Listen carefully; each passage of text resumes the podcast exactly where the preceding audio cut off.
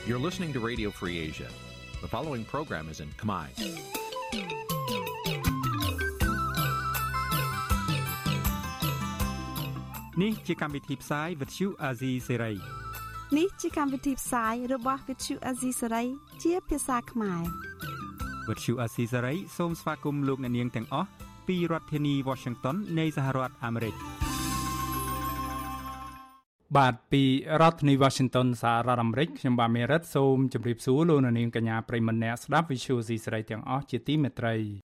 យើងខ្ញុំសូមជូនកម្មវិធីផ្សាយសម្រាប់ព្រឹកថ្ងៃច័ន្ទ2រោចខែចែកឆ្នាំខាលចត្វាស័កពុរសករាជ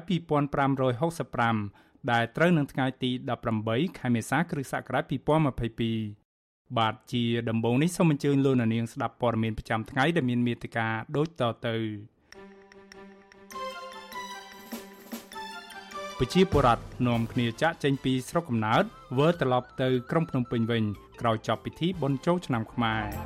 ពលរដ្ឋយ៉ាងតិច27នាក់ស្លាប់ដោយសារគ្រោះថ្នាក់ចរាចរណ៍ក្នុងរយៈពេល3ថ្ងៃនៃពិធីបុណ្យចូលឆ្នាំខ្មែរអ្នកជំនាញសុខាភិបាលហួសចិត្តដែលអាជ្ញាធរលើកទឹកចិត្តឲ្យពលរដ្ឋពពាក់ពពូនគ្នាប្រារព្ធពិធីបុណ្យចូលឆ្នាំថ្មីក្នុងស្ថានភាពជំងឺ Covid-19 របាយការណ៍អង្គការវេទិកាអនាគត រកឃើញថាគម្រោងខ្សែក្រវ៉ាត់នឹងផ្លូវរបស់ចិន ខ្វះដំណាភាពនិងរំលោភច្បាប់នៅកម្ពុជារួមនឹងព័ត៌មានផ្សេងៗមួយចំនួនទៀត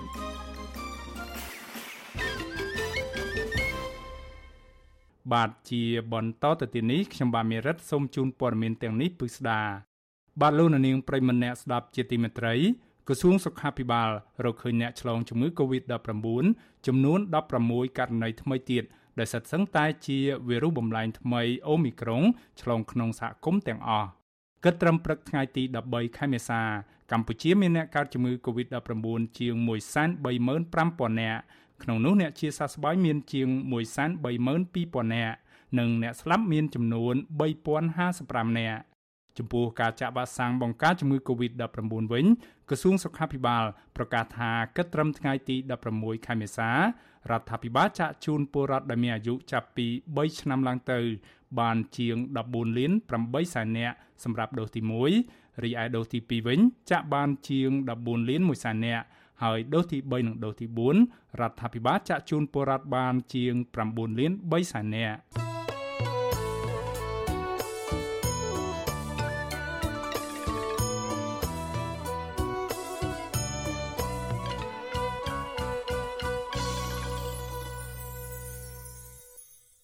បាឡូននាងប្រិមម្នាក់ស្ដាប់ជាទីមេត្រីជុំវិញការប្រារព្ធពិធីបុណ្យចូលឆ្នាំខ្មែរនៅក្នុងបរិបទនៃការឆ្លងនឹងការរីករាលដាលនៃជំងឺ Covid-19 នេះ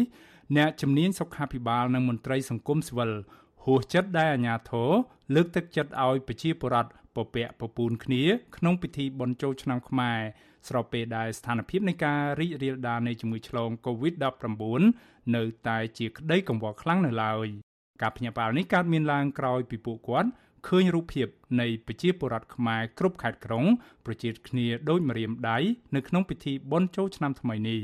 បាទសូមអញ្ជើញលោកនាងរងចាំស្ដាប់សេចក្តីរាយការណ៍នេះពិស្ដានាពេលបន្តិចទៀតនេះបាទសូមអរគុណបាទលោកនាងប្រិមម្នាក់ស្ដាប់ជាទីមេត្រីកម្មករកម្មការនីនិងអ្នកធ្វើការងារតាមបណ្ដាសហគ្រាសតូចធំនាំគ្នាចាក់ចេញពីស្រុកកំណើត វិលត្រឡប់ទៅធ្វើការងារនៅរាជធានីភ្នំពេញវិញជាបណ្ដាបណ្ដាហើយក្រោយពីចប់ការប្រារព្ធពិធីបុណ្យចូលឆ្នាំថ្មីពលរដ្ឋខ្លះទៀតប្រឈមនឹងបញ្ហាសេដ្ឋកិច្ចដោយសារតែថ្លៃឡានឈ្នួលនៅតែបន្តហក់ឡើងខ្ពស់ប្រជាពលរដ្ឋលើកឡើងដោយដូចគ្នាថារដ្ឋាភិបាលមិនបានចាត់វិធានការទប់ស្កាត់ឲ្យមានប្រសិទ្ធភាពលើបញ្ហាឈ្មួញបន្តដំឡើងថ្លៃសម្បត្តិឡាននោះទេពលរដ្ឋម្នាក់ដែលបានទៅលេងស្រុកកំណើតនៅខេត្តបន្ទាយមានជ័យលោកឡាទីន ប្រាប់វិសុយស៊ីស្រីនៅថ្ងៃទី17ខែមេសាថាថ្លៃសម្បត្តិឡានឈ្នួលនៅតែមានតម្លៃខ្ពស់ជាងថ្ងៃធម្មតា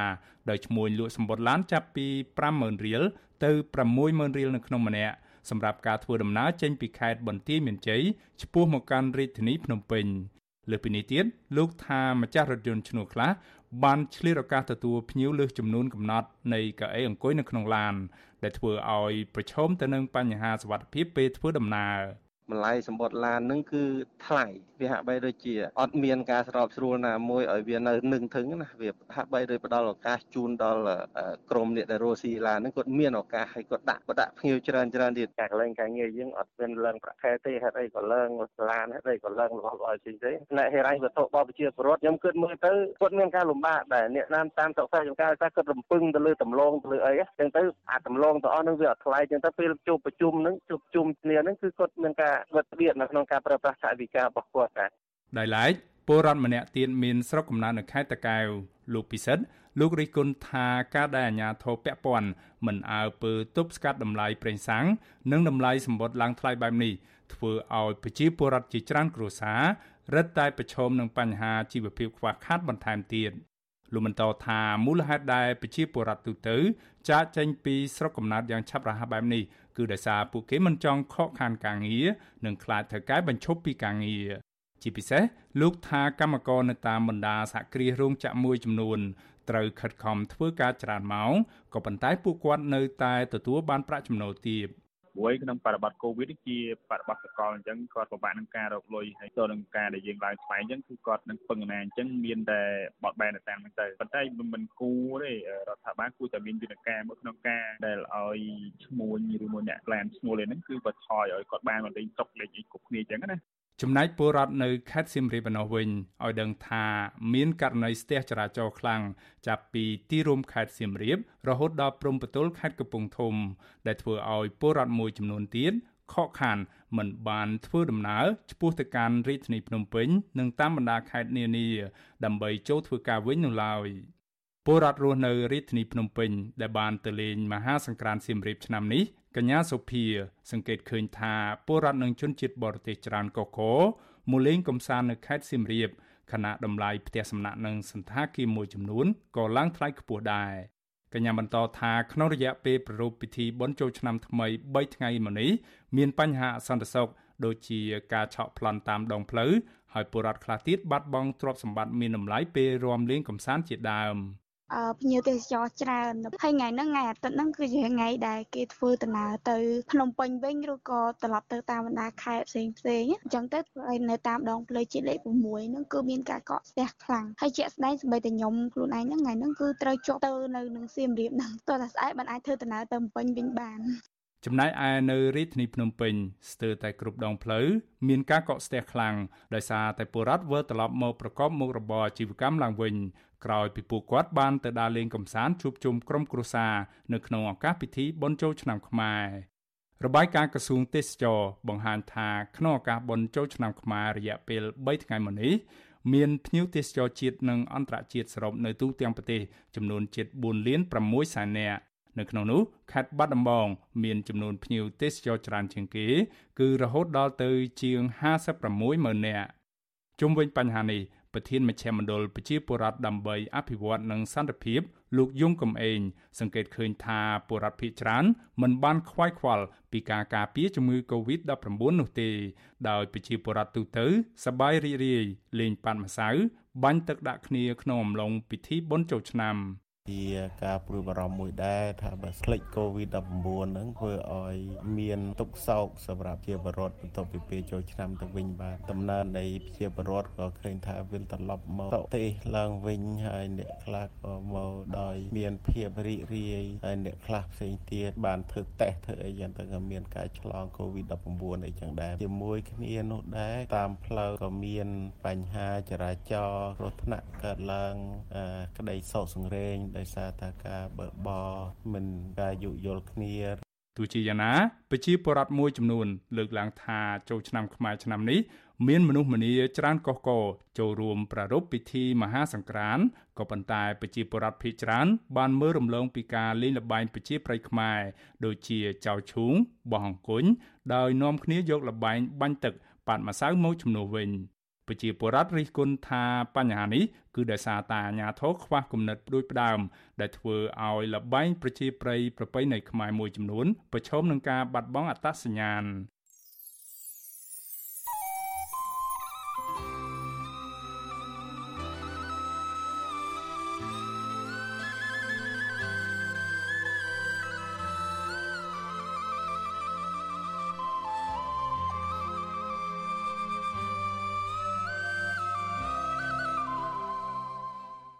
បាទលោកនាងប្រិមម្នាក់ស្ដាប់ជាទីមេត្រីតាក់ទងនឹងគ្រោះថ្នាក់ចរាចរណ៍នៅក្នុងរយៈពេល3ថ្ងៃនៃការប្រារព្ធពិធីបុណ្យចូលឆ្នាំខ្មែរវិញ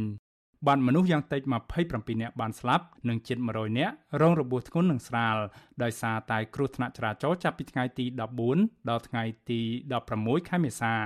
សារព័ត៌មានក្នុងស្រុកបានចុះផ្សាយដោយស្រោរបាយការណ៍របស់អគ្គស្នងការដ្ឋាននគរបាលជាតិឲ្យដឹងថាកាលពីថ្ងៃទី14ខែមេសាដែលជាថ្ងៃចូលឆ្នាំដំបូង មានករណីគ្រោះថ្នាក់ចរាចរណ៍សរុបចំនួន8លើកកើតឡើងនៅទូទាំងប្រទេសបណ្ដាលឲ្យមនុស្ស3នាក់ស្លាប់និងរបួសធ្ងន់ស្រាលចំនួន15នាក់បន្ទាប់មក នៅថ្ងៃទី2នៃពិធីបុណ្យចូលឆ្នាំខ្មែរគឺនៅថ្ងៃទី15ខែមេសា មានគ្រោះថ្នាក់ចរាចរណ៍សរុបចំនួន25ករណីបានកើតឡើងនៅទូទាំងប្រទេសបណ្ដាលឲ្យមនុស្សស្លាប់ចំនួន16នាក់និងរងរបួសធ្ងន់ស្រាលសរុបចំនួន34នាក់ ដោយឡែកនៅថ្ងៃចុងក្រោយនៃពិធីបុណ្យចូលឆ្នាំថ្មី គឺនៅថ្ងៃទី16ខែមេសាវិញ នៅទូទាំងប្រទេសមានគ្រោះថ្នាក់ចរាចរណ៍សរុបចំនួន14ករណីក្នុងនោះមនុស្សចំនួន8នាក់ស្លាប់និងរបួសធ្ងន់ស្រាលចំនួន31នាក់របាយការណ៍របស់ក្រសួងមហាផ្ទៃឲ្យដឹងថាមូលហេតុចម្បងនៃគ្រោះថ្នាក់ចរាចរណ៍គឺដោយសារតែការបើកបរលបឿនលឿនមិនគោរពសិទ្ធិអ្នកបើកបរដូចគ្នា ការមិនប្រកាន់ស្ដាំការប្រជែងគ្នានៅក្នុងស្ថានភាពគ្រោះថ្នាក់ ការបើកបរក្នុងស្ថានភាពស្រវឹងងងុយដេកនិងកត្តាយានយន្តជាដើម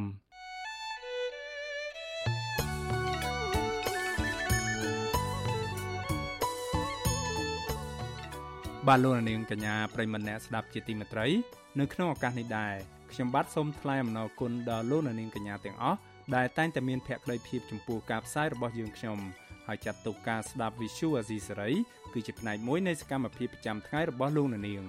ការគ្រប់គ្រងរបស់លោកនាងនេះហើយដែលធ្វើឲ្យយើងខ្ញុំមានទឹកចិត្តកាន់តែខ្លាំងថែមទៀតនៅក្នុងការស្វែងរកនិងផ្តល់ព័ត៌មានពិតជូនលោកនាងមានអ្នកស្ដាប់និងអ្នកទស្សនាកាន់តែច្រើនកាន់តែធ្វើឲ្យយើងខ្ញុំមានភាពស្វាហាប់និងមោះមុតជាបន្តទៅទៀតបាទយើងខ្ញុំសូមអរគុណទុកជាមុនហើយសូមអញ្ជើញលោកនាងកញ្ញាចូលរួមជំរុញឲ្យសកម្មភាពផ្តល់ព័ត៌មានពិតរបស់យើងខ្ញុំនេះ កាន់តែជោគជ័យបន្ថែមទៀតលោកនាងអាចជួយយើងខ្ញុំបានដោយគ្រាន់តែចុចចែករំលែកឬ Share ការផ្សាយរបស់យើងខ្ញុំនៅលើបណ្ដាញសង្គម Facebook និង YouTube ទៅកាន់មិត្តភ័ក្តិដើម្បីឲ្យការផ្សាយរបស់យើងបានទៅដល់មនុស្សកាន់តែច្រើន បាទសូមអរគុណ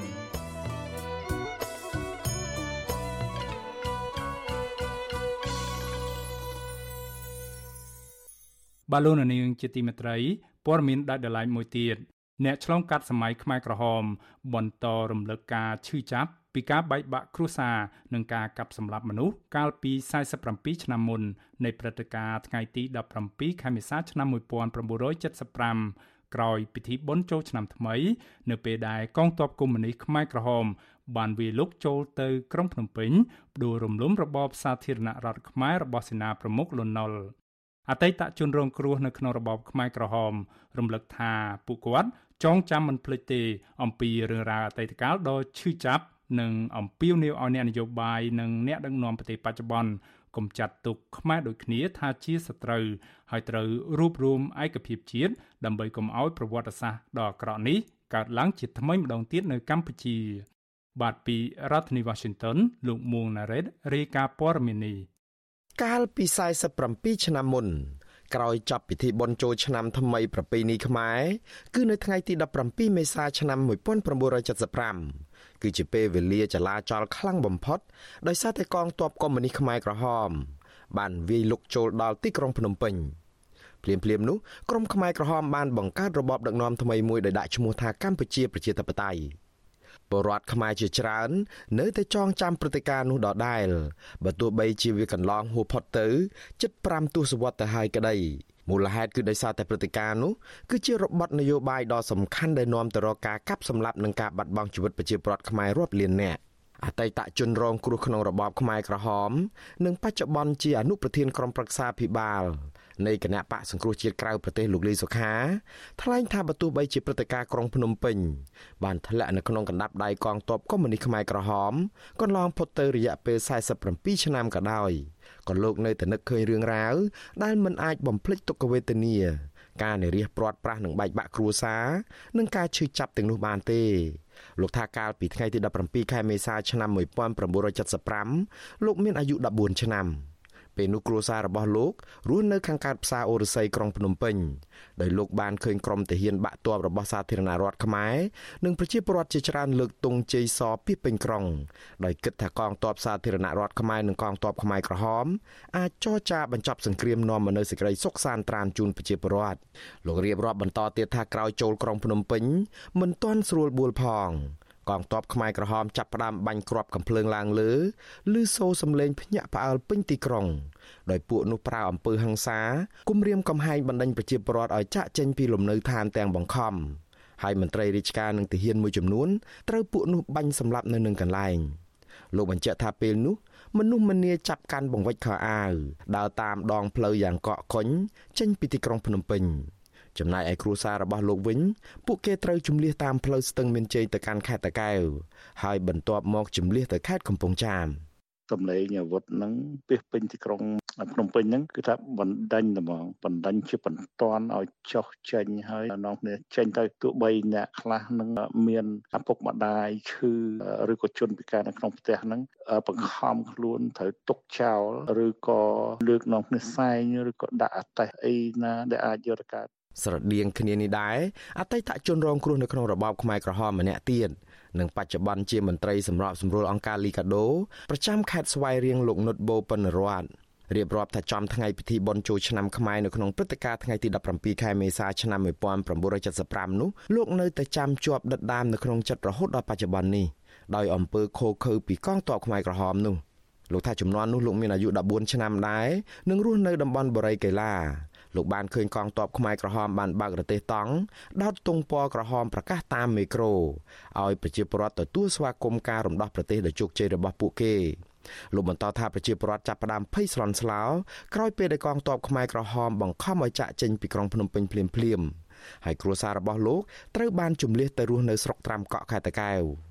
ចំណែកឯតាមដងផ្លូវវិញលោកប្រទះឃើញមនុស្សស្លាប់ជាហូរហែ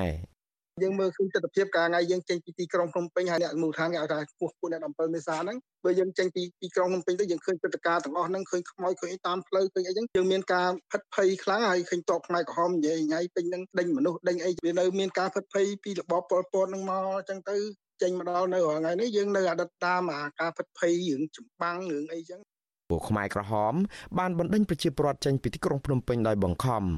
ឲ្យទៅរស់នៅតាមទីជនបទចុងកាត់មាត់ញោកនិងតាមតំបន់ព្រៃភ្នំ ក្នុងស្ថានភាពលំបាកអត់ឃ្លាន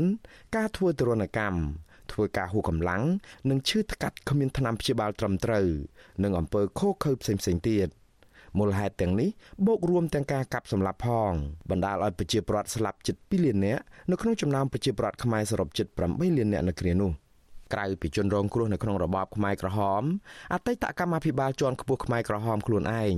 ក៏បានទទួលស្គាល់ដែរថាព្រឹត្តិការណ៍17មេសានោះគឺជាចំណុចចាប់ផ្ដើមនៃមហន្តរាយនៅកម្ពុជា ជាមួយរឿងនេះអតីតជនរងគ្រោះនៅក្នុងរបបខ្មែរក្រហមនិងបច្ចុប្បន្នជាប្រធានសហភាពសហជីពកម្ពុជាលោករងឈុនថ្លែងថាថ្ងៃទី17ខែមេសាលោកចងចាំនៅក្នុងអារម្មណ៍ជានិច្ចដែលកងទ័ពខ្មែរក្រហមវាយកាន់កាប់ក្រុងភ្នំពេញដោយជំនះសាច់ញាតិរបស់លោកមកស្រុកកំណើតនៅស្រុកស្អាងខេត្តកណ្ដាលលោកឲ្យដឹងថារឿងរ៉ាវដ៏អាក្រក់បំផុតនោះបងប្រុសរបស់លោកម្នាក់ត្រូវខ្មែរក្រហមបង្ខំឲ្យធ្វើការរហូតដល់ស្លាប់ លោករងឈុនបន្ថែមទៀតថាប្រវត្តិសាស្ត្រដ៏ជូរចត់មួយនេះគឺជាមេរៀនសម្រាប់អ្នកនយោបាយខ្មែរត្រូវរួបរวมសាមគ្គីគ្នា ដើម្បីផលប្រយោជន៍ជាតិដោយទប់ស្កាត់កុំឲ្យប្រវត្តិសាស្ត្រសាដានឡើងវិញលោកបញ្ជាក់ថាមានតែការដឹកនាំប្រទេសតាមបែបប្រជាធិបតេយ្យតាមរយៈការបោះឆ្នោតដោយសេរីត្រឹមត្រូវនិងយុត្តិធម៌ទើបអាចមានសន្តិភាព និងសុខសាន្តត្រានជូនប្រជាពលរដ្ឋពិតប្រាកដ បើទោះបីជាយ៉ាងនេះក្តីលោកព្រួយបារម្ភចំពោះការដឹកនាំរបស់រដ្ឋាភិបាលបច្ចុប្បន្នដែលកំពុងតែដើរចាក់ឆ្ងាយពីគន្លងប្រជាធិបតេយ្យនិងផ្ទុយពីស្មារតីនៃកិច្ចព្រមព្រៀងសន្តិភាពទីក្រុងប៉ារីចំណុចទាំងអស់នេះយើងព្រួយបារម្ភយើងមិនចង់ឲ្យឃើញប្រទេសយើងដើរទៅធ្លាក់ចូលគេថារបបកុម្មុយនីសឬមួយគេថាសង្គមនិយមកុម្មុយនីសនឹងម្ដងទៀតទេបាទពីព្រោះគ្មានអ្វីដែលល្អប្រសើរជាងរបបអធិបជាធិបតេយ្យហើយការផ្លាស់ប្ដូរអំណាចតាមរយៈការបោះឆ្នោតនេះទេដែលគេថាជាការល្អបំផុតដែលធ្វើផ្ដល់នៅគេថាសេចក្តីសុខដល់ប្រជាពលរដ្ឋ វត្តជូអាស៊ីសេរីមិនទាន់អាចតាក់ទងណែនាំពីរដ្ឋាភិបាលលោកផៃស៊ីផានដើម្បីបញ្ជាក់ជំរឿរឿងនេះបាននៅឡើយទេនៅថ្ងៃទី17ខែមេសាបើទោះបីជាយ៉ាងនេះក្តីព្រឹត្តិការណ៍17ខែមេសាឆ្នាំនេះទាំងរដ្ឋាភិបាលគណៈបកប្រឆាំងនិងអង្គការសង្គមស៊ីវិលពុំបានរៀបចំពិធីរំលឹកខួបនោះទេប្រធានគណៈបកភ្លើងទៀនលោកទាវវណ្ណុលប្រាប់វិទ្យុអាស៊ីសេរីថាមូលហេតុដែលខកខានមិនបានរំលឹកខួបនេះ គឺដោយសារតែមន្ត្រីគណៈបករបស់លោកកំពុងតែជាប់មមាញឹកបំពេញការងារសម្រាប់ការបោះឆ្នោតឆាប់ៗនេះទោះជាយ៉ាងនេះក្តីលោកបញ្ជាក់ថាសង្គ្រាមដែលនាំឲ្យខ្មែរស្លាប់រាប់លាននាក់ដោយសារតែអ្នកនយោបាយខ្មែរគ្រប់ភាគីចាត់ទុកខ្មែរគ្នាឯងជាសត្រូវដូច្នេះលោកអំពីវនីឲ្យអ្នកនយោបាយគ្រប់និន្នាការនយោបាយជាពិសេសគណៈបកកណ្ដាលអំណាចត្រូវចេះផ្សះផ្សាជាតិនិងដោះស្រាយបញ្ហាជាតិជាមួយគ្នា ដើម្បីកម្ចាត់ស្រមោលអតីតកាលកុំឲ្យកើតឡើងតទៅទៀត សោកនាដកម្មដែលប្រជាប្រដ្ឋខ្មែរយើងបានទទួលណាចាប់តាំងពីឆ្នាំ 1970រហូតដល់សិទ្ធិសញ្ញាទីក្រុងប៉ារីសគឺដោយសារប្រជាប្រដ្ឋខ្មែរយើងអត់បានយោគយល់គ្នាផ្លាស់ប្ដូរដើម្បីកាប់សម្លាប់គ្នាដូចនៅសម័យខ្មែរក្រហមដែលបែងចែកអញ្ចឹងខ្ញុំមានតែអំពាវនាវឲ្យគ្រប់និន្នាការនយោបាយទោះបីជាអ្នកណាឈ្នះចាញ់ក៏ដោយគឺសូមឲ្យនៅតែស្រឡាញ់ខ្មែរចេះចរចាគ្នាចេះនិយាយគ្នាដើម្បីឲ្យប្រជាពលរដ្ឋយើងបានទទួលនៅសេចក្តីសុខឲ្យប្រទេសយើងមានការរីកចម្រើន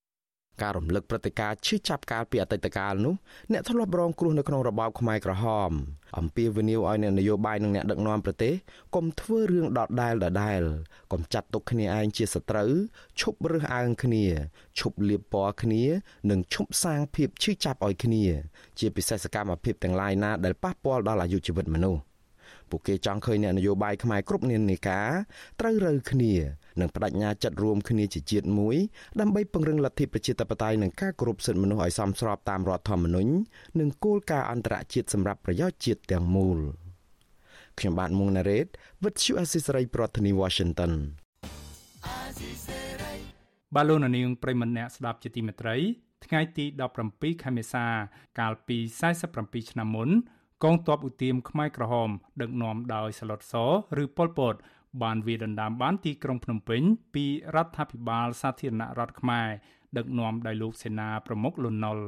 ពេលឡើងកាន់អំណាចភ្លាមខ្មែរក្រហមពុំបានចាប់ផ្ដើមផ្សះផ្សាជាតិក្រោយសង្គ្រាមបង្ហូរឈាមរវាងខ្មែរនិងខ្មែរគ្នាឯងអស់រយៈពេលជាង5ឆ្នាំនោះទេ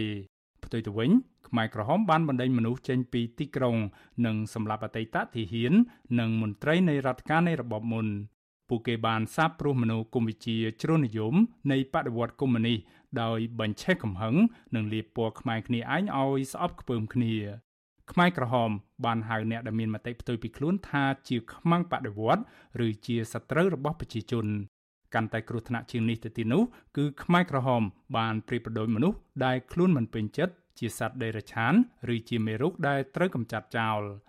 តើការលាបពណ៌និងការព្រៀបប្រដូចមនុស្សជាមេរោគចង្រៃអាចបង្កគ្រោះថ្នាក់បែបណាខ្លះដល់សង្គមជាតិទាំងមូលនោះបាទសូមអញ្ជើញលោកនាងរងចាំស្ដាប់សេចក្តីរាយការណ៍ពិស្ដារជុំវិញព័ត៌មាននេះនាពេលបន្តិចទៀតនេះបាទសូមអរគុណ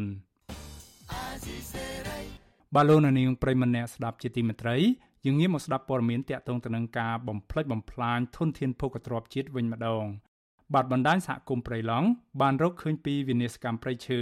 កើតមានឡើងកាន់តែខ្លាំងនៅខេត្តព្រះវិហារស្របពេលដែលការបោះឆ្នោតឃុំសង្កាត់ជិតមកដល់បុរដ្ឋចោទអាជ្ញាធរមូលដ្ឋានថាបានបើកដៃឲ្យជនល្មើសចូលកាប់ឈើដោយសេរី ដើម្បីជាធ្នូបោះឆ្នោតជូនគណៈបកកណ្ដាលអំណាចនាពេលខាងមុខនេះសកម្មជនការពីប្រៃឈើព្រួយបារម្ភពីទង្វើរបស់អាជ្ញាធរពាក់ព័ន្ធទៅនឹងភាពហិនហោចនៃប្រៃឈើនាពេលខាងមុខនេះបាទលោកសនចាន់រដ្ឋារាយការណ៍ព័ត៌មាននេះ សមាជិកបណ្ដាញសហគមន៍ព្រៃឡង់បានចុះល្បាតព្រៃកាលពីថ្ងៃទី13ខែមេសាដោយរកឃើញមកល្មើសព្រៃឈើបន្តកាប់បំផ្លាញកាន់តែខ្លាំងគណៈការបោះឆ្នោតជិតចូលមកដល់ពួកគាត់ទើបតែដាក់ញត្តិកាលពីថ្ងៃទី29ខែមីនាទៅក្រសួងបរិស្ថានដើម្បីឲ្យអាជ្ញាធរបញ្ឈប់បលល្មើសព្រៃឈើក៏ប៉ុន្តែមិនទទួលបានលទ្ធផលនោះទេសមាជិកបណ្ដាញសហគមន៍ព្រៃឡង់លោកស្រីថៃបានប្រាវិទ្យាអាស៊ីសេរីថ្ងៃទី17ខែមេសាថាអាជ្ញាធរមូលដ្ឋានបើកដៃឲ្យជនល្មើសចូលកាប់ព្រៃឡង់ ហិនហោចឈើធំធំនិងឈើពិនិត្យពិនិត្យលោកអះអាងថាបលល្មើសការឡើងខ្លាំងអំឡុងពេលបុណ្យជួសឆ្នាំខ្មែរលោកថាមន្ត្រីបរិស្ថានមិនអើពើទប់ស្កាត់ជនល្មើសទេព្រោះខ្លាចបាត់បង់ស្លឹកឆ្នោតរបស់ពួកគេមុនចូលឆ្នាំមួយថ្ងៃខ្ញុំបាក់បានទៅដល់ទីពូឈើគេនៅលើភ្នំត្រឡោហើយខ្ញុំយកបានទាំងឯកសារតម្លៃឈើគុណភាពម៉ែត្រឈើវាមាន ខ្ញុំឃើញដាក់ព្រៃទី1ព្រៃទី2ព្រៃទី3គេដាក់ណាដែលប្រភេទឈើអីឈើអីគេដាក់ជុំ4ជុំ4ជុំឈើពីពេលឡងដល់អស់ទៅក្នុងពលដល់រដ្ឋាភិបាលឯងដូចចំណុចទីជូអឺខាងគណៈកម្មការចម្រុះបើសិនគាត់មានទឹកចិត្តស្នេហាការពារព្រៃឈើគឺប្រកបមែនទេឲ្យគាត់នឹងចប់មកមើលខ្លួនឯងកុំឲ្យថាពួកយើងរីកាហក់ពីផយហើយមួយទៀត មានតែមិនជួយទេគាត់ធានាអាអាថាបានការបានហើយនេះគាត់ធ្វើបាទខាងបឹងស្រីសាបអ្នកដែលចក់ត្រីឬថាត្រីរត់ចប់នៅគាត់និយាយខ្ញុំចង់ឲ្យគាត់ធ្វើទៅលើទៅឈើដូចគ្នាដែរលោកបន្តធម្មតាសហគមន៍ព្រៃឡង់បើរកឃើញមកល្មើព្រៃឈើហើយបានរៀបចំរបាយការណ៍ជាច្រើនលើកហើយមានផតតាំងដាក់ទៅក្រសួងពាក់ព័ន្ធប៉ុន្តែក្រសួងទាំងនោះមិនបានចាត់វិធានការតាមផ្លូវច្បាប់នោះទេថែមទាំងចាប់ប្រកាន់ធម្មតាសហគមន៍ព្រៃឡង់ គ្រាន់តែធ្វើសកម្មភាពដើម្បីបំពេញចិត្តម្ចាស់ជំនួយតែប៉ុណ្ណោះលោកបន្តថាការបាក់ដៃឲ្យប្រពមួយចំនួនជលកាប់ឈើដែលមានក្រុមហ៊ុនធំធំនៅពីក្រៅក្នុងបែបនេះនឹងអាចធ្វើហិនហោចព្រៃឈើនៅកម្ពុជាក្នុងពេលឆាប់ៗនេះព្រៃឡង់មានផ្ទៃដីប្រមាណជាង50ម៉ឺនហិកតានៅក្នុងខេត្តចំនួន4គឺខេត្តព្រះវិហារកំពង់ធំ ក្រចេះនិងខេត្តស្ទឹងត្រែងឆ្លើយតបនឹងបញ្ហានេះប្រធានមន្ត្រីបរិស្ថានខេត្តព្រះវិហារលោកសងចាន់សុជាតិបានប្រាប់វិទ្យុអេស៊ីសេរីយ៉ាងខ្លី ថាលោករវល់ជួបជុំក្រុមគ្រួសារចំណែកអ្នកនៅពីក្រសួងបរិស្ថានលោកនេពេត្រាមិនតន់អាចតតងសុំការថាតបាយអំពីបញ្ហានេះបានទេ នៅថ្ងៃទី17ខែមេសាដោយទូរស័ព្ទចូលច្រានដងទឹកគ្មានអ្នកទទួលតែទោះបីជាយ៉ាងណាលោកធ្លាប់ឆ្លើយតបតាមប្រព័ន្ធ Telegram ថាបលល្មើសនៅមានខ្នាតតូចប៉ុណ្ណោះដោយសារមន្ត្រីឧទ្យានុរក្សនិងសហគមន៍តំបន់ការពារធម្មជាតិកំពុងបន្តទប់ស្កាត់ហើយដកហូតឧបករណ៍ពាក់ព័ន្ធជាបណ្ដាបណ្ដាចំណែកបលល្មើសខ្នាតធំធំ មិនមានដូចការលើកឡើងរបស់បណ្ដាញសហគមន៍ព្រៃឡង់នោះទេជុំវិញរឿងនេះសកម្មជនប្រធាននៃសមាគមបណ្ដាញយុវជនកម្ពុជាហៅកាត់ថា CVN លោកសាមាឡាឲ្យវិទ្យុអេស៊ីសរ៉ៃដឹងថាលោកគ្រប់គ្រងចំពោះការលើកឡើងរបស់បណ្ដាញសហគមន៍ព្រៃឡង់និងប្រជាប្រដ្ឋមូលដ្ឋានលោកបន្តថាកន្លងមកលោកតែសង្កេតឃើញថាឲ្យទៅចិត្តដល់ការបោះឆ្នោតឬមានបនទៀមម្ដងម្ដងជនឆ្លៀតអាកាសតែងកាប់ព្រៃជាហោហែលោកយល់ថាបញ្ហានេះអាចជាប់ពាក់ព័ន្ធអំពើពុករលួយ ជាមួយមន្ត្រីនៅមូលដ្ឋានហើយអាជ្ញាធរពាក់ព័ន្ធហាក់មិនមានឆន្ទៈទប់ស្កាត់បលល្មើសព្រៃឈើនោះទេសម្រាប់ខ្ញុំបើសិនជាគេ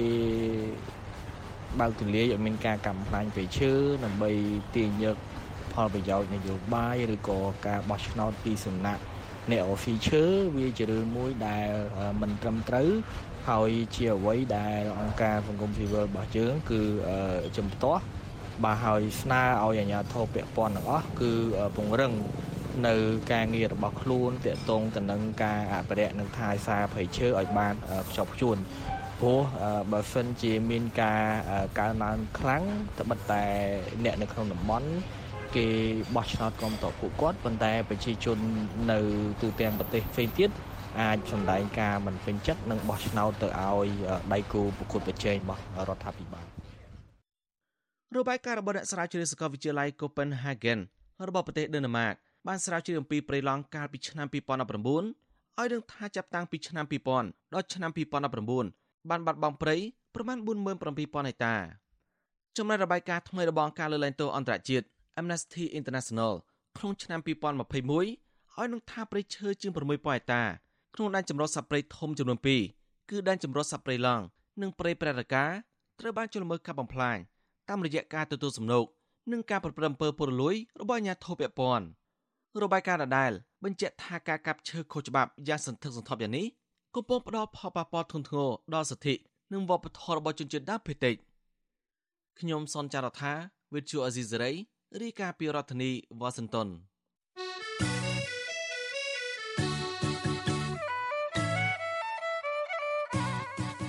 បាឡូណានាងប្រិមម្នាក់ស្ដាប់ជាទីមេត្រី ដំណើរគ្នានឹងស្ដាប់កម្មវិធីផ្សាយរបស់ Visual C ស្រីតាមបណ្ដាញសង្គម Facebook និង YouTube លោកនាងក៏អាចស្ដាប់កម្មវិធីផ្សាយរបស់ Visual C ស្រីតាមរលកធារកាសខ្លីឬ Shortwave តាមកម្រិតនិងកម្ពស់ដូចតទៅនេះពេលព្រឹកចាប់ពីម៉ោង5កន្លះដល់ម៉ោង6កន្លះតាមរយៈរលកធារកាសខ្លី12140 kHz ស្មើនឹងកម្ពស់ 25m និង13715 kHz ស្មើនឹងកម្ពស់ 22m ពេលយប់ចាប់ពីម៉ោង7កន្លះដល់ម៉ោង8កន្លះតាមរយៈរលកធារកាខ្លី9960 kHz ស្មើនឹងកម្ពស់ 30m និង12140 kHz ស្មើនឹងកម្ពស់ 25m បាទសូមអរគុណបាឡូណានីងប្រិមម្នាក់ស្ដាប់ជាទីមេត្រីព័ត៌មានតកតងទៅនឹងគម្រោងអភិវឌ្ឍរបស់ចិនវិញម្ដង បាទអង្គការវេទិកាអនាគតឬ Future Forum រកឃើញថាគម្រោងផ្ដល់មូលនិធិក្រោមគំនិតផ្ដួចផ្ដើមខ្សែក្រវ៉ាត់នឹងផ្លូវឬ BRI របស់ប្រទេសចិន ខ្វះដំណាភាពនិងរំលោភច្បាប់នៅកម្ពុជាព្រមទាំងពុំមានចីរភាពនោះទេការរកឃើញនេះត្រូវបានប្រកាសឲ្យដឹងនៅក្នុងរបាយការណ៍ស្រាវជ្រាវមួយទើបនឹងចេញផ្សាយកាលពីដើមខែមេសានេះដោយអង្គការវេទិកាអនាគត របាយការណ៍បានលើកយកករណីសិក្សាចំនួន3នៅកម្ពុជាពាក់ព័ន្ធនឹងគម្រោងផ្ដល់មូលនិធិដោយប្រទេសចិនដែលជាផ្នែកមួយនៃគំនិតផ្ដួចផ្ដើមខ្សែក្រវ៉ាត់នឹងផ្លូវឬ BRI របស់ប្រទេសនេះគម្រោងទាំង3នោះរួមមានដូចជាគម្រោងសាងសង់ទំនប់វារីអគ្គិសនីស្ទឹងតាតៃនៅខេត្តកោះកុងគម្រោងអភិវឌ្ឍប្រព័ន្ធធារាសាស្ត្រវាយគោនៅខេត្តព្រៃវែងនិងស្វាយរៀងនិងគម្រោងសាងសង់កំណាត់ផ្លូវជាតិលេខ6ប្រវែង250គីឡូម៉ែត្រ ពីតំបន់ថ្នល់កែងខេត្តកំពង់ចាមរហូតដល់តំបន់អង្គរងនៅខេត្តសៀមរាបការសិក្សាស្រាវជ្រាវនេះរកឃើញថាគម្រោងផ្ដល់មូលនិធិដោយប្រទេសចិនទាំងនេះបានរំលោភច្បាប់ស្តីពីលទ្ធកម្មរបស់កម្ពុជាដោយពុំបានដាក់ឲ្យដេញថ្លៃជាសាធារណៈប្រកបដោយតម្លាភាពនោះទេគម្រោងរបស់ចិនទាំងនេះក៏បង្កើតឲ្យមាននៅទំនាស់ផលប្រយោជន៍នៅក្នុងចំណោមក្រុមហ៊ុនដេញថ្លៃឬក្រុមហ៊ុនម៉ៅការរបស់ចិនផងដែរលើពីនេះទៀត គម្រោងផ្ដល់មូលនិធិដោយប្រទេសចិនទាំងនេះក៏ពុំបានសិក្សាវិតម្លៃអំពីផលប៉ះពាល់ផ្នែកបរិស្ថានឲ្យបានត្រឹមត្រូវដោយតាមច្បាប់របស់កម្ពុជានោះទេការសិក្សាស្រាវជ្រាវដដែលក៏រកឃើញដែរថាគម្រោងផ្ដល់មូលនិធិដោយប្រទេសចិនមិនបានបើកឲ្យមាននៅកិច្ចពិគ្រោះយោបល់ជាមួយសហគមន៍មូលដ្ឋានឡើយគណៈរបាយការណ៍សិក្សាពីគម្រោងទាំងនេះក៏មិនត្រូវបានចែករំលែកឲ្យដឹងជាសាធារណៈនោះដែរ លើពីនេះទៀតរបាយការណ៍រកឃើញថាក្រុមហ៊ុនម៉ៅការរបស់ចិនធ្លាប់មានប្រវត្តិមិនបានបំពេញការងារបានល្អនៅកម្ពុជា ជារួមរបាយការណ៍របស់អង្គការវេទិកាអនាគតវាតម្លៃថាគម្រោងសាងសង់ហេដ្ឋារចនាសម្ព័ន្ធដែលផ្ដល់មូលនិធិដោយប្រទេសចិនប្រឈមទៅនឹងកង្វះដំណាភាពធ្ងន់ធ្ងរនិងពុំមានចីរភាពនៅកម្ពុជានោះទេអង្គការវេទិកាអនាគតលើកទឹកចិត្តដល់រដ្ឋាភិបាលកម្ពុជាតម្រូវឲ្យភាគីម្ចាស់ជំនួយ និងវិនិយោគិនទាំងអស់ត្រូវតែចែករំលែកនៅរាល់ឯកសារសំខាន់សំខាន់ទាក់ទងទៅនឹងការអនុវត្តគម្រោងនិងទិន្នន័យពាក់ព័ន្ធនឹងគម្រោងទៅដល់សាធារណជនអង្គការដដែលក៏ចង់ឃើញរដ្ឋាភិបាល បង្កើតឲ្យមាននៅប្រព័ន្ធគ្រប់គ្រងទិន្នន័យមជ្ឈិមដើម្បីឲ្យសាធារណជនអាចចូលទៅពិនិត្យមើលឯកសារដេញថ្លៃនិងការសិក្សាវិតម្លៃអំពីផលប៉ះពាល់ផ្នែកបរិស្ថានព្រមទាំងព័ត៌មានសំខាន់ៗមួយចំនួនទៀត ពាក់ព័ន្ធទៅនឹងការអនុវត្តគម្រោងបើតាមរបាយការណ៍របស់អង្គការវេទិកាអនាគតគិតត្រឹមខែមិថុនាឆ្នាំ2021ចិនបានកសាងស្ពានសរុបចំនួន8និងផ្លូវថ្នល់ប្រវែងសរុបជាង3000គីឡូម៉ែត្រនៅកម្ពុជាក្រោមទឹកប្រាក់កម្ចីសម្បទានសរុបជាង3000លានដុល្លារអាមេរិកគិតត្រឹមពាក់កណ្ដាលឆ្នាំ2021កម្ចីរបស់ចិនដល់កម្ពុជា មានតម្លៃសរុបជាង4000លានដុល្លារអាមេរិកឬស្មើនឹងជាង40%នៃបំណុលដែលកម្ពុជាខ្ចីបុលពីបរទេសសរុបដែលមានទឹកប្រាក់សរុបជាង9000លានដុល្លារអាមេរិក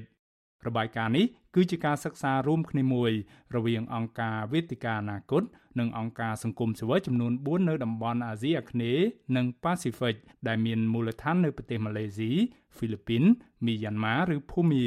និងប្រទេសប៉ាពួរញូហ្គីណេជាដើម។ ជុំវិញការរកឃើញនេះ Visual C ស្រីនៅមិនទាន់អាចសុំការឆ្លើយបំភ្លឺពីមន្ត្រីរដ្ឋាភិបាលកម្ពុជាបាននៅឡើយទេ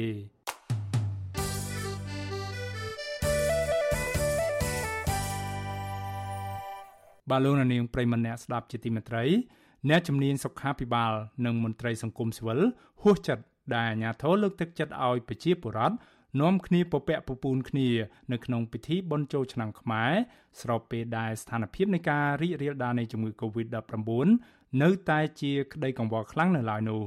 ការភ្ញាក់ផ្អើលនេះកើតមានឡើងក្រោយពួកគាត់ឃើញរូបភាពនៃប្រជាពលរដ្ឋខ្មែរគ្រប់ខេត្តក្រុងប្រជ្រៀតគ្នាដោយម្រាមដៃនៅក្នុងពិធីបុណ្យចូលឆ្នាំថ្មីនេះបាទពីរដ្ឋធានី Washington លោក Monaret រាយការណ៍ព័ត៌មាននេះរូបភាពនៃប្រជាពលរដ្ឋយ៉ាងច្រើនកុះកមីដេដា ប្រជ្រៀតគ្នាលេងប៉ាតម្សៅបាញ់ទឹកនឹងរំលេងកំសាន្តសប្បាយរីករាយនៅក្នុងឱកាសបុណ្យចូលឆ្នាំថ្មីរយៈពេល3ថ្ងៃចាប់ពីថ្ងៃទី14ដល់ថ្ងៃទី16ខែមេសាត្រូវបានផ្សព្វផ្សាយយ៉ាងទូលំទូលាយតាមទំព័រ Facebook ផ្លូវការរបស់រដ្ឋបាលខេត្តក្រុងនៅទូទាំងប្រទេសកម្ពុជារូបភាពទាំងនេះបានបង្កភាពភ្ញាក់ផ្អើលនិងហួសចិត្តចំពោះអ្នកជំនាញវិទ្យាសាស្ត្រនិងឱសថសាស្ត្រនៅក្រៅប្រទេសដែលពួកគាត់មិននឹកស្មានថាប្រជាពលរដ្ឋខ្មែរឆាប់ភ្លេចខ្លួនយ៉ាងនេះសោះ អសតការីខ្មែរអូស្ត្រាលីលោកលឹមសួរលន់មាត់ថាការប្រជិតគ្នាប្រពៃពិធីបុណ្យចូលឆ្នាំឆ្នាំនេះគឺពលរដ្ឋផ្ដុំគៀកគ្នាណែនណាន់តាន់តាប់ដែលមិនគួរឲ្យជឿថារឿងនេះត្រូវអាជ្ញាធរបណ្ដេតបណ្ដោយឲ្យកើតមានឡើងនៅក្នុងសម័យ COVID-19 បែបនេះតទៅសោះខ្ញុំមើលទៅហាក់ដូចជា wow មិនឡែកឃើញ wow this is like a top មក លោកលឹមសួរបន្ទោសអាញាធរដែលបន្ធូរបន្ថយការរដ្ឋបិទនិងវិធានការសុខាភិបាលខ្លាំងពេកទើបប្រជាពលរដ្ឋធ្វើដូច្នេះចំពោះខ្ញុំអានឹងទៅលើអាញាធរទាំងអស់នៅប្រទេសនេះគឺថាក្រសួងសុខាភិបាលនិងរដ្ឋាភិបាលទទួលខុសត្រូវទាំងស្រុងណាម្ល៉េះការដែលធូថយនេះគឺយោយោងទៅតាមច្បាប់របស់យើងទេតែយើងច្បាប់ធូប្រជាជនក៏ធូដែរប៉ុន្តែខ្ញុំចេះនិយាយលេងប្រាប់បងប្អូនយើងណាកូវីដអត់ភ្លេចយើងទេ តែយើងចេះតែភ្លេចកូវីដណោះអាហ្នឹងដូចជាបញ្ហា ជាបញ្ហាមួយព្រួយបារម្ភយ៉ាងធំណារដ្ឋាភិបាលកម្ពុជាកាលពីឆ្នាំ2019បានធ្វើច្បាប់អំពីការទប់ស្កាត់ការរីករាលដាលនៃជំងឺ Covid-19 ដោយពិន័យជាប្រាក់និងដាក់ពន្ធនាគារចំពោះជនណាដែលប្រព្រឹត្តល្មើសច្បាប់នេះដោយសារតែច្បាប់នេះប្រជាពលរដ្ឋជាច្រើនត្រូវបានអាជ្ញាធរចាប់ដាក់ពន្ធនាគារនិងពិន័យជាប្រាក់ មិនតែប៉ុណ្ណោះអាជ្ញាធរបានហាម5រាល់ការជួបប្រជុំគ្នា ដើម្បីតវ៉ាបញ្ហាអយុត្តិធម៌សង្គមផ្សេងផ្សេងរួមទាំងកោតកម្មរបស់បុគ្គលិក Naga World ដោយសារតែអាជ្ញាធរអះអាងថាដើម្បីបង្ការជំងឺ Covid-19 នេះក៏ប៉ុន្តែ4ថ្ងៃមុនថ្ងៃចូលឆ្នាំលោកនាយរដ្ឋមន្ត្រីហ៊ុនសែនបានប្រកាសដាក់ខេត្តចំនួន4មានខេត្តរតនគិរីមណ្ឌលគិរីស្ទឹងត្រែងនិងព្រះវិហារដែលប្រជាពលរដ្ឋមិនចាំបាច់ពាក់ម៉ាស់ទៀតទេ ដែលឡែកខេត្តផ្សេងទៀតនៅជាប់បំរាមពាក់ម៉ាស់នេះដដែល។ បើទោះបីជាយ៉ាងនេះក្តីនៅមុនពេលបន់ចូលឆ្នាំថ្មីកាន់តែគៀកចិត្តចូលមកដល់ប្រជាពលរដ្ឋនៅទូទាំងប្រទេសចាប់ផ្ដើមដោះម៉ាស់និងជួបជុំគ្នាយ៉ាងច្រើនកកកក្រោយមកលោកនាយរដ្ឋមន្ត្រីហ៊ុនសែនប្រកាសឲ្យព្យួរច្បាប់ COVID-19 មួយរយៈសិនហើយអាជ្ញាធរគ្រប់ប្រមាត់ថ្នាក់កុំអនុវត្តនៅច្បាប់តាក់ទងនឹងការគ្រប់គ្រង COVID-19 គឺមិនអនុវត្តនៅក្នុងដំណាក់កាលនៃការចូលឆ្នាំ លោកហ៊ុនសែនជឿជាក់លើវ៉ាក់សាំងដែលលោកថាបានចាក់ស្រោចដើម្បីបានភាពស៊ាំនឹងអត្រានៃការឆ្លងជំងឺនេះដែលមានតិចតួចនៅកម្ពុជាទើបលោកហ៊ានបណ្ដេតបណ្ដោយបែបនេះលោកបនស្រាន់កុំឲ្យករណីឆ្លងនៅក្នុងសហគមន៍កើតមានច្រើនក្រោយចូលឆ្នាំខ្មែរមន្ត្រីសុខភាពសាធារណៈនៃអង្គការសង្គមស៊ីវិលយល់ថាប្រជាពលរដ្ឋកម្ពុជាស៊ាំនឹងការរស់នៅនៅក្នុងស្ថានភាពជំងឺ Covid-19 នេះហើយទើបពួកគាត់លែងខ្លាចដូចមុន។ ប្រធានសមាគមគ្រូពេទ្យគុណធម៌កម្ពុជាលោកអ៊ូចវុធីថាមេរោគបំផ្លាញថ្មីអូមីក្រុងនេះបើទោះបីជាឆ្លងលឿនតែមិនកាចសាហាវដោយមេរោគបំផ្លាញថ្មីមុនមុនរួមផ្សំនឹងកត្តាវ៉ាក់សាំងនោះដែរទើបប្រជាពលរដ្ឋបណ្ដោយខ្លួនមិនព្រួយការឆ្លងដូចមុន ឥឡូវនេះយើងខែចែកចូលឆ្នាំទៀតវារដូវក្តៅអញ្ចឹងកូវីដបំលែងថ្មីអូមីក្រុងនេះក៏មិនអាចចូលមកសរីរាង្គកាយគាត់ធ្វើឲ្យហានិភ័យបានដែរលោកប្អូនព្រោះដោយសារអីគាត់មានប្រព័ន្ធការពារខ្លួនពីធម្មជាតិផងក្មេងៗហ្នឹងភាគច្រើនបាទទី1ទី2ដោយសារអីគាត់បានចាក់វ៉ាក់សាំងគ្រប់ដូសបាទដូចជាដូសជំរុញដល់ថ្នាក់អ្នកខ្លះចាក់ដល់ដូសទី4ហើយបាទ ផ្ទុយពីការជឿជាក់របស់លោកហ៊ុនសែនទៅលើវ៉ាក់សាំងដែលបានចាក់រួចទាំងនោះមន្ត្រីសុខាភិបាលខ្មែរអាមេរិកឯណោះទៅវិញលោកថាមេរោគ COVID-19 ប្រែប្រួលជានិច្ចដែលមិនគួរណាប្រជាពលរដ្ឋខ្មែរប្រហែលដូច្នេះនោះទេអនុវិជ្ជបណ្ឌិតខ្មែរអាមេរិកលោកឆាន់ទូចថាមនុស្សនៅតែស្លាប់ច្រើននៅលើពិភពលោកដោយសារតែជំងឺ Covid-19 នេះ។ លោកថាការធ្វើប្រហែសរបស់ប្រជាពលរដ្ឋខ្មែរគឺជាចំណែកនៃការទទួលខុសត្រូវរបស់រដ្ឋាភិបាលកម្ពុជា ចំពោះគ្រោះមហន្តរាយផ្នែកសុខភាព ដែលអាចកើតមានជាយថាហេតុពីព្រឹត្តិការណ៍ចូលឆ្នាំខ្មែរនោះដូច្នេះបើសិនបើយើងមិនយកចិត្តទុកដាក់នឹងយើងមិនចាប់អារម្មណ៍មិនការពារខ្លួនឯងគឺយើងអត់មានណាបន្ទោសមានតែបន្ទោសខ្លួនឯងជាពិសេសទៅបន្ទោសរដ្ឋាភិបាល និងក្រសួងសុខាភិបាលដែលខ្វះការណែនាំតឹងរឹងណាបាទរឿងនឹងយើងយើងត្រូវទទួលស្គាល់ថាដូចនៅប្រទេសចិនទៅចិនតឹងរឹងមែនទែនរឿង COVID-19 អញ្ចឹងដូចជាបើយើងគោលយល់ថាមានភាពតឹងរឹងបែបហ្នឹងហើយយើងក៏មិនត្រូវប្រហែលដែរព្រោះអ្នកដែលស្លាប់អ្នកដែលវេទនាគឺយើងហើយ មិនថាតែនៅប្រទេសកម្ពុជាទេ នៅប្រទេសថៃប្រជាពលរដ្ឋថៃក៏នាំគ្នាប្រារព្ធពិធីបុណ្យចូលឆ្នាំថ្មីនេះដែរអាញាធរថៃបានអនុញ្ញាតឲ្យប្រជាជនថៃប្រារព្ធពិធីបុណ្យប្រពៃណីនេះដែរដោយបន្ធូរបន្ថយវិធានការរឹតបន្តឹងខ្លះក៏ប៉ុន្តែមិនបន្ធូរបន្ថយទាំងស្រុងដូចនៅកម្ពុជានោះទេមន្ត្រីអង្គការសង្គមស៊ីវិលយល់ឃើញថាមានកត្តាពីរដែលធ្វើឲ្យប្រជាពលរដ្ឋធ្វេសប្រហែសបែបនេះ ប្រធានអង្គការសម្ព័ន្ធគណនេយ្យភាពសង្គមកម្ពុជាលោកសនជ័យយល់ថាប្រជាពលរដ្ឋអាចគិតថាមេរោគបំផ្លាញថ្មីអូមីក្រុងបើឆ្លងឆាប់ជាទៅវិញនឹងថាឥឡូវនេះខាងក្រសួងរដ្ឋមានលក់ថ្នាំព្យាបាលជំងឺនេះផង ជាងនេះទៅទៀតលោកថាប្រជាពលរដ្ឋអាចធុញថប់ទៅនឹងវិធានការរឹតបន្តឹងនៅក្នុងស្ថានភាពជំងឺ Covid-19 ដែលពេលដែលឮថារដ្ឋាភិបាលបន្ធូរបន្ថយតែបន្តិចក៏ស្របតាមគ្នាលែងការពារខ្លួនតែម្ដងបើទោះបីជាយ៉ាងនេះក្តីលោករំលឹកប្រជាពលរដ្ឋខ្មែរឲ្យមើលករណីនៅទីក្រុងសៀងហៃប្រទេសចិនជាគំរូដែលប្រជាពលរដ្ឋនៅក្នុងក្រុងនេះបានចាក់វ៉ាក់សាំងស្ទើរគ្រប់គ្នាដែរក៏ប៉ុន្តែករណីឆ្លងកាត់មានខ្លាំងរហូតដល់ឥឡូវនេះអាជ្ញាធរបិទគប់ទីក្រុងដែលមានប្រជាពលរដ្ឋ26លាននាក់នេះថែមទៀតផង លោកថាបើប្រជាពលរដ្ឋខ្មែរប្រហែលយ៉ាងនេះលោកបារម្ភអំពីគ្រោះមហន្តរាយដែលកើតមានជាយថាហេតុដល់កម្ពុជា ការទេប្រហែលនេះវាអាចជារឿងមួយនៅក្នុងស្ថានភាពដែលគេហៅថាជុងមិនផ្លេចកុកទេប៉ុន្តែមានកុកទេដែល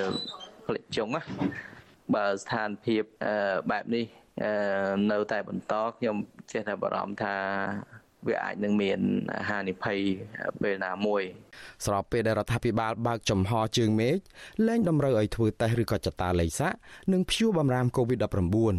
លោកហ៊ុនសែនបានអំពាវនាវឲ្យប្រជាពលរដ្ឋខ្មែរនិងជនបរទេសនៅគ្រប់ទិសទីមកលេងកម្ពុជាឲ្យបានច្រើនកកកសូមស្វាគមន៍បងប្អូនខ្មែរដែលរស់នៅឯបរទេសហើយជួយមកលេងនៅប្រទេសកម្ពុជាក៏ប៉ុន្តែសារនេះមិនអាចធ្វើឲ្យប្រជាពលរដ្ឋខ្មែរនៅក្រៅប្រទេសជឿទុកចិត្តថាកម្ពុជាមានសវត្ថិភាពនោះឡើយ លោកឆានទូចថាការធ្វេសប្រហែសរបស់ប្រជាពលរដ្ឋខ្មែរនឹងការដែលអាជ្ញាធរកម្ពុជាបណ្ដេតបណ្ដោយឲ្យប្រជាពលរដ្ឋខ្មែរពពាក់ពពូនគ្នា បំពេញគោលការណ៍បង្ការជំងឺ Covid-19 បែបនេះគឺជាសារអវិជ្ជមានទៅវិញទេ ចំពោះប្រជាពលរដ្ឋខ្មែរនៅក្រៅប្រទេសនិងជនបរទេសដែលចង់ទៅលេងស្រុកខ្មែរ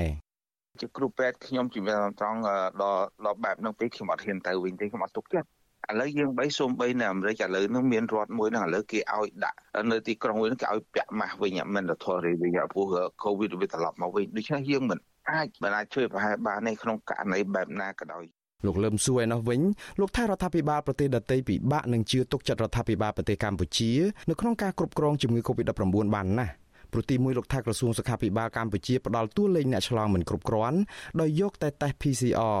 មិនយកលទ្ធផលតេស្តរហ័សដែលគេមិនអាចដឹងចំនួនឆ្លងពិតប្រាកដនិងម្យ៉ាងទៀតលោកថាអេរយាប័តប្រជាពលរដ្ឋខ្មែរបែបនេះធ្វើឲ្យអ្នកចង់ទៅលេងកម្ពុជាគិតឡើងវិញ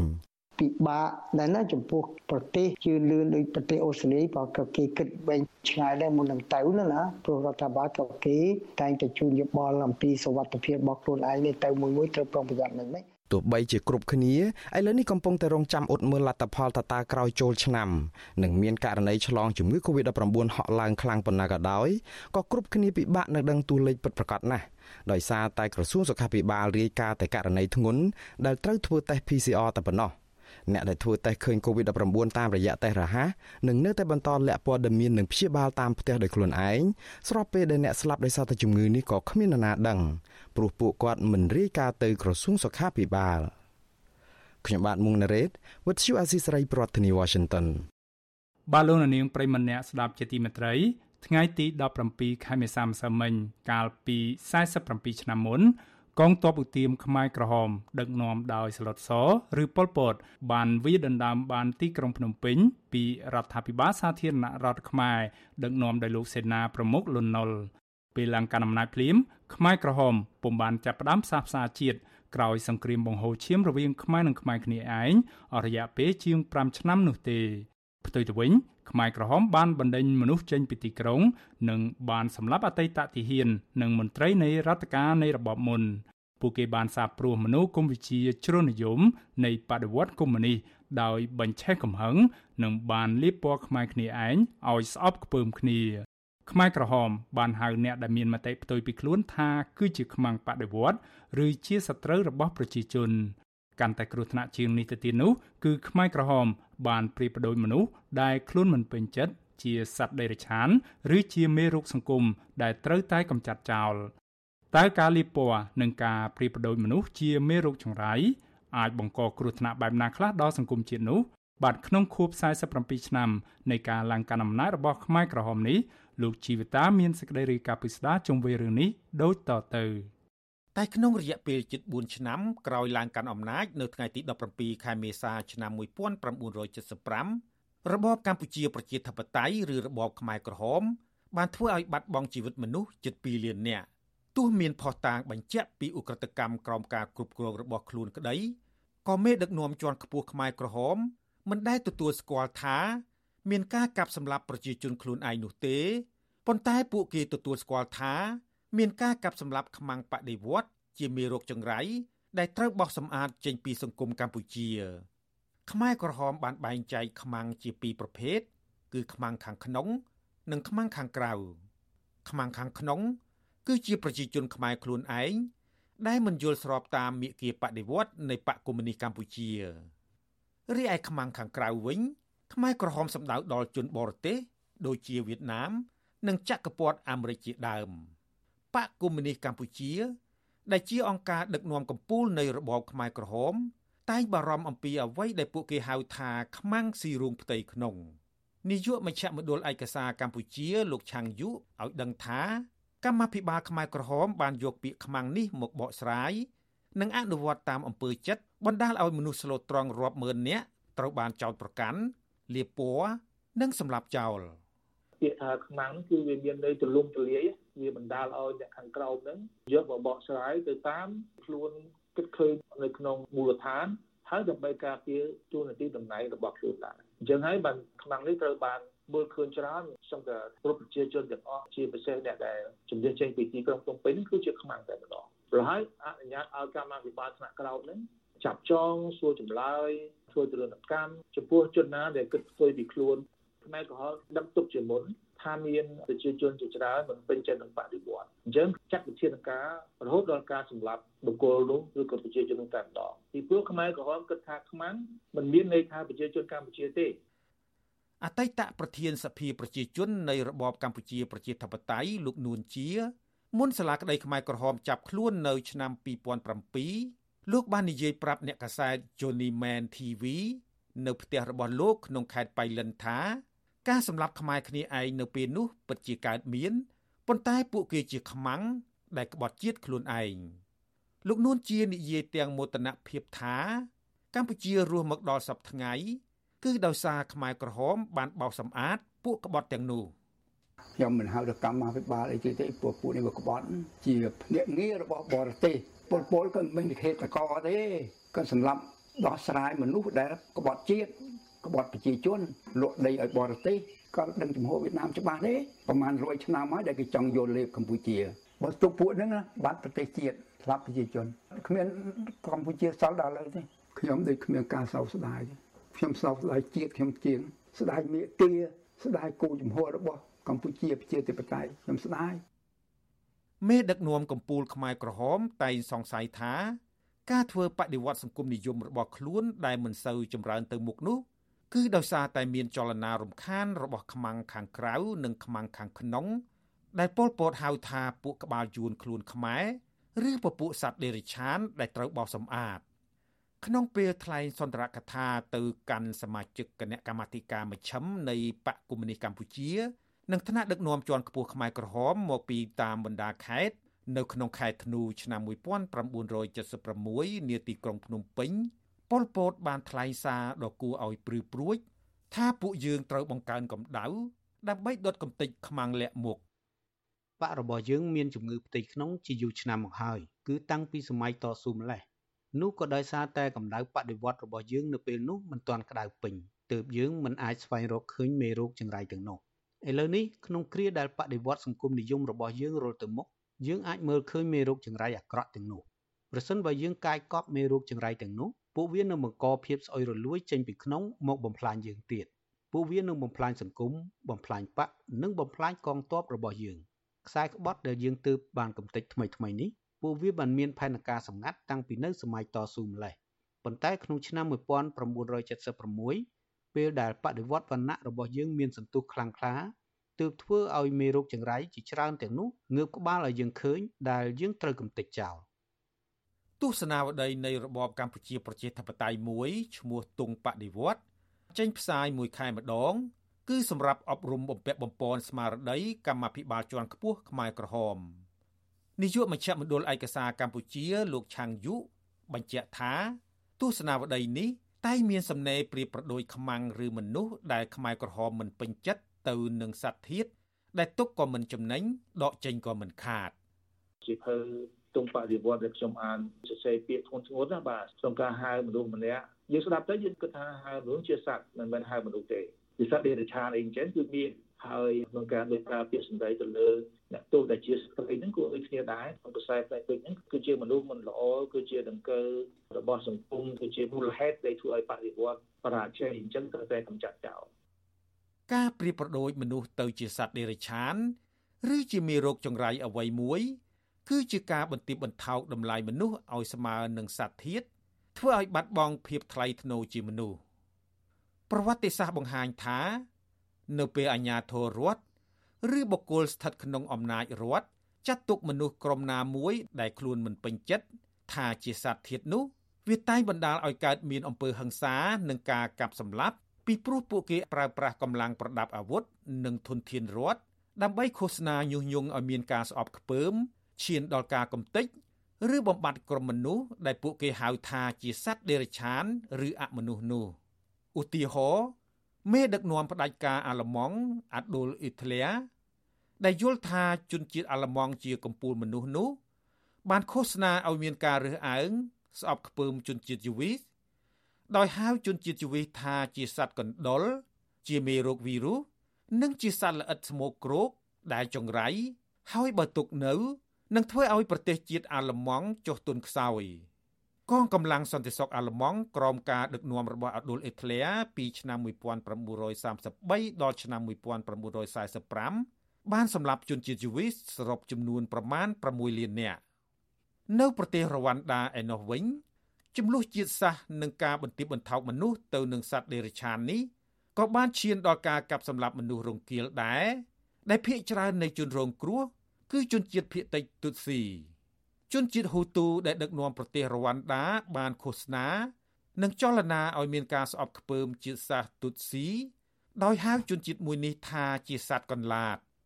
នៅឆ្នាំ1994ដោយមានការបើកដៃនឹងចូលរួមយ៉ាងសកម្មពីភ្នាក់ងាររដ្ឋផងប្រជាជនហ៊ូទូបានសម្លាប់ជនជាតិភៀតតិចទុតស៊ីជិត1លាននាក់តែក្នុងរយៈពេលប្រមាណ100ថ្ងៃពីព្រោះពួកគេគិតថា ខ្លួនសម្លាប់សត្វកន្លាត មិនមែនសម្លាប់មនុស្សទេ ការប្រៀបប្រដូចមនុស្សទៅនឹងសត្វដេរឆាន ឬការលាបពណ៌គ្នា ដើម្បីកេងចំណេញនយោបាយនេះ មិនមែនកើតមានតែក្នុងអតីតកាលប៉ុណ្ណោះទេប៉ុន្តែនៅក្នុងបច្ចុប្បន្នកាលនេះក៏កំពុងកើតមានដែរជាក់ស្ដែងក្នុងការរកហេតុផលសមស្របមួយ ដើម្បីចូលឈ្លានពានប្រទេសអ៊ុយក្រែនយកមកធ្វើជាប្រទេសរណបរបស់ខ្លួន ប្រធានាធិបតីប្រទេសរុស្ស៊ីលោកវ្លាឌីមៀពូទីនបានចោទថ្នាក់ដឹកនាំនៃរដ្ឋាភិបាលអ៊ុយក្រែនថាជាពួកណាស៊ីជាទាហានរបស់អាឌុលអ៊ីត្លែដែលគំរាមកំហែងដល់ប្រទេសរុស្ស៊ីប៉ុន្តែការចោទប្រកាន់នេះហាក់ដូចគ្មានអ្នកណាជឿឡើយពីព្រោះប្រធានាធិបតីអ៊ុយក្រែនលោក Volodymyr Zelensky មិនត្រឹមតែមិនមែនជាភ្នាក់ងារណាស៊ីរបស់អាឌុលអ៊ីត្លែប៉ុណ្ណោះទេប៉ុន្តែគ្រួសារដូនតារបស់លោក ថែមទាំងស្លាប់ក្រោមស្នាដៃរបស់ទាហានអាឌុលអ៊ីត្លែក្នុងសង្គ្រាមលោកលើកទី2ទៀតផងពីព្រោះក្រុមគ្រួសាររបស់លោក Zelensky ជាជនជាតិយូវីសដែលអាដុលអ៊ីត្លែលាពណ៌ថាជាសត្វកណ្ដុរនិងជាមេរោគវីរុសចំណែកនៅកម្ពុជាបច្ចុប្បន្នវិញក៏មានការលាពណ៌និងប្រៀបប្រដូចមនុស្សទៅនឹងសត្វដេរឆានដែរក្នុងការធ្វើទុកបុកម្នេញនិងដាក់ក្រុមអ្នកនយោបាយបកប្រឆាំងឲ្យកាន់តែនៅឯកោ រដ្ឋាភិបាលកម្ពុជាហៅមន្ត្រីនិងសកម្មជនបកប្រឆាំងដែលរិះគន់និងមិនព្រមចុះចូលជាមួយបកកាន់អំណាច ថាជាពួកឧទាមទីក្រុង ឬក្រុមឧទាមក្រៅច្បាប់រីឯការបន្ទាបបន្ថោកមនុស្សជាសត្វធាតវិញនោះថ្មីថ្មីនេះរដ្ឋលេខាធិការក្រសួងព័ត៌មានលោកជុំកុសល បានហៅពលរដ្ឋខ្មែរដែលចេញតវ៉ាជាប្រចាំដើម្បីរកយុត្តិធម៌ឲ្យខ្លួនឯងនិងសង្គមផងនោះ ថាជាមេរោគចង្រៃ ចុះផ្សាយនៅថ្ងៃទី29មីនាក្នុងគេហទំព័រ Facebook របស់ខ្លួនឈ្មោះកុសលជុំអមដោយរូបថតបាតុករមួយក្រុមតូចដែលមានកញ្ញាសេងធីរីឈរសម្ដែងមតិនៅខាងមុខតុលាការក្រុងភ្នំពេញផងនោះលោកជុំកុសលប្រៀបប្រដូចបាតុករអហិង្សាទាំងនោះជាមេរោគសង្គមដែលមិនអាចទុកឲ្យនៅតទៅទៀតទេវីរុស COVID-19 ទោះបីជាវាមានឥទ្ធិពលក្នុងការចម្លង និងការសាហាវយ៉ាងណា ក៏នឹងចុះខ្សោយបន្តិចម្ដងបន្តិចម្ដងដោយសារតែប្រសិទ្ធភាពវ៉ាក់សាំងនឹងឈានទៅបាត់សូន្យពីផែនដីបានក៏ប៉ុន្តែពពួកមេរោគសង្គមប្រភេទនេះតពូជមិនចេះចប់បង្កការរំខានគ្រប់ពេលវេលាឲ្យតែគេមានឱកាសមេរោគនេះមិនអាចបណ្តែតបណ្ដោយឲ្យរំខានក្នុងសង្គមបានទេព្រោះគោលបំណងសំខាន់របស់វាគឺទៅបំផ្លាញសង្គមតែម្ដងដូច្នេះគួរតែរកវិធីការពារវាកុំឲ្យវារីកសាយភាយធំបាន ប្រហែលមកពីមន្ត្រីរាជការជាន់ខ្ពស់ស្អប់ខ្ពើមអ្នកតវ៉ាតាមផ្លូវថ្នល់រហូតដល់ប្រមាថពួកគាត់បែបនេះហើយទើបអ្នកតវ៉ាគ្រប់ប្រភេទចេះតែត្រូវកងកម្លាំងសន្តិសុខរំខានយាយីវាយដំឥតស្រាកស្រាន និងមានរហូតដល់ចាប់ដាក់គុកទៀតផងនាយកមជ្ឈមណ្ឌលឯកសារកម្ពុជា លោកឆាងយុ តែងលើកទឹកចិត្តពលរដ្ឋខ្មែរឲ្យរៀនសូត្រពីប្រវត្តិសាស្ត្រខ្មែរក្រហម ដើម្បីយល់ដឹងពីទង្វើ និងភាសាហិង្សារបស់ខ្មែរក្រហម ដើម្បីជួយគ្នាទប់ស្កាត់កុំឲ្យអំពើអាក្រក់របស់ខ្មែរក្រហមកើតឡើងម្ដងទៀតទោះជាយ៉ាងណា លោកចាត់ទុកសម្ដីដ៏មានគ្រោះថ្នាក់របស់លោកជុំកុសលមិនតំណាងឲ្យរដ្ឋាភិបាលកម្ពុជាទេ តែជាភាសាដែលលោកយល់ថា មិនគួរចេញពីមាត់មន្ត្រីរាជការទេ លោកបញ្ជាក់ថា ភាសាបញ្ឆេះកំហឹងនិងបណ្ដោះការស្អប់ខ្ពើមគ្នា គួរត្រូវជៀសវាងព្រោះការប្រៀបប្រដូចមនុស្សទៅនឹងមេរោគចង្រៃបែបនេះ មានតែប្រើក្នុងសម័យខ្មែរក្រហមទេ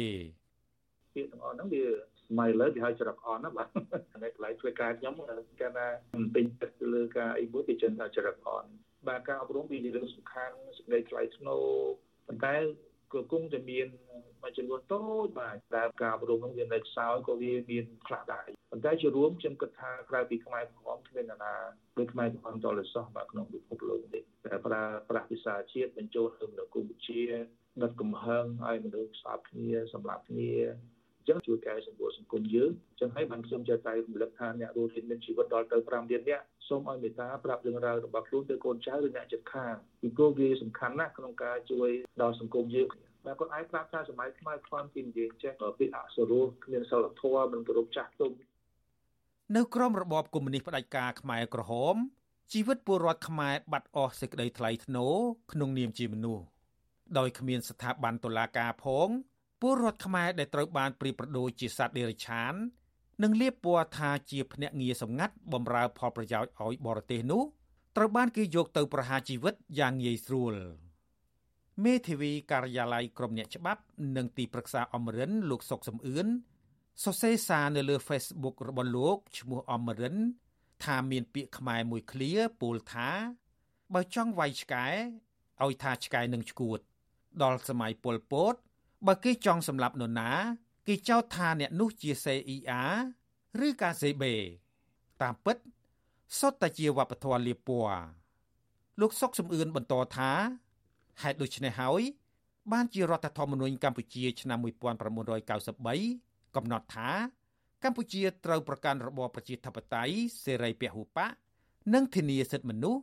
ដែលមានចែងក្នុងឧបករណ៍សិទ្ធិមនុស្សអង្គការសហប្រជាជាតិ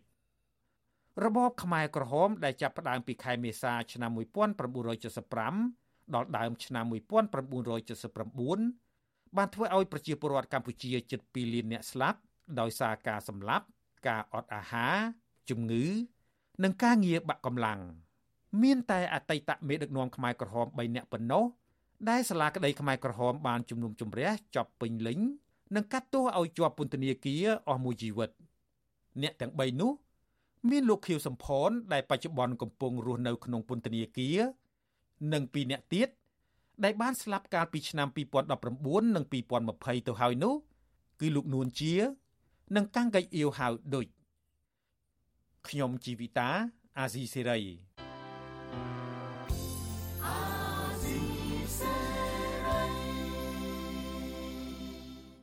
បាទលោកនាងកញ្ញាប្រិមម្នាក់ស្ដាប់ជាទីមេត្រី កម្មវិធីផ្សាយរយៈពេល1ម៉ោងនៃ Visual Asia ស្រីជាភាសាខ្មែរនៅពេលនេះចប់តែប៉ុណ្ណេះយើងខ្ញុំសូមជូនពរដល់លោកនាងកញ្ញាព្រមទាំងក្រុមគ្រួសារទាំងអស់ឲ្យជួបប្រកបតែនឹងសេចក្តីសុខចម្រើនរុងរឿងកំបីគ្លៀនឃ្លាតឡើយខ្ញុំបាទមេរិតព្រមទាំងក្រុមការងារទាំងអស់នៃវិសុវស៊ីស្រីសូមអរគុណនិងសូមជម្រាបលា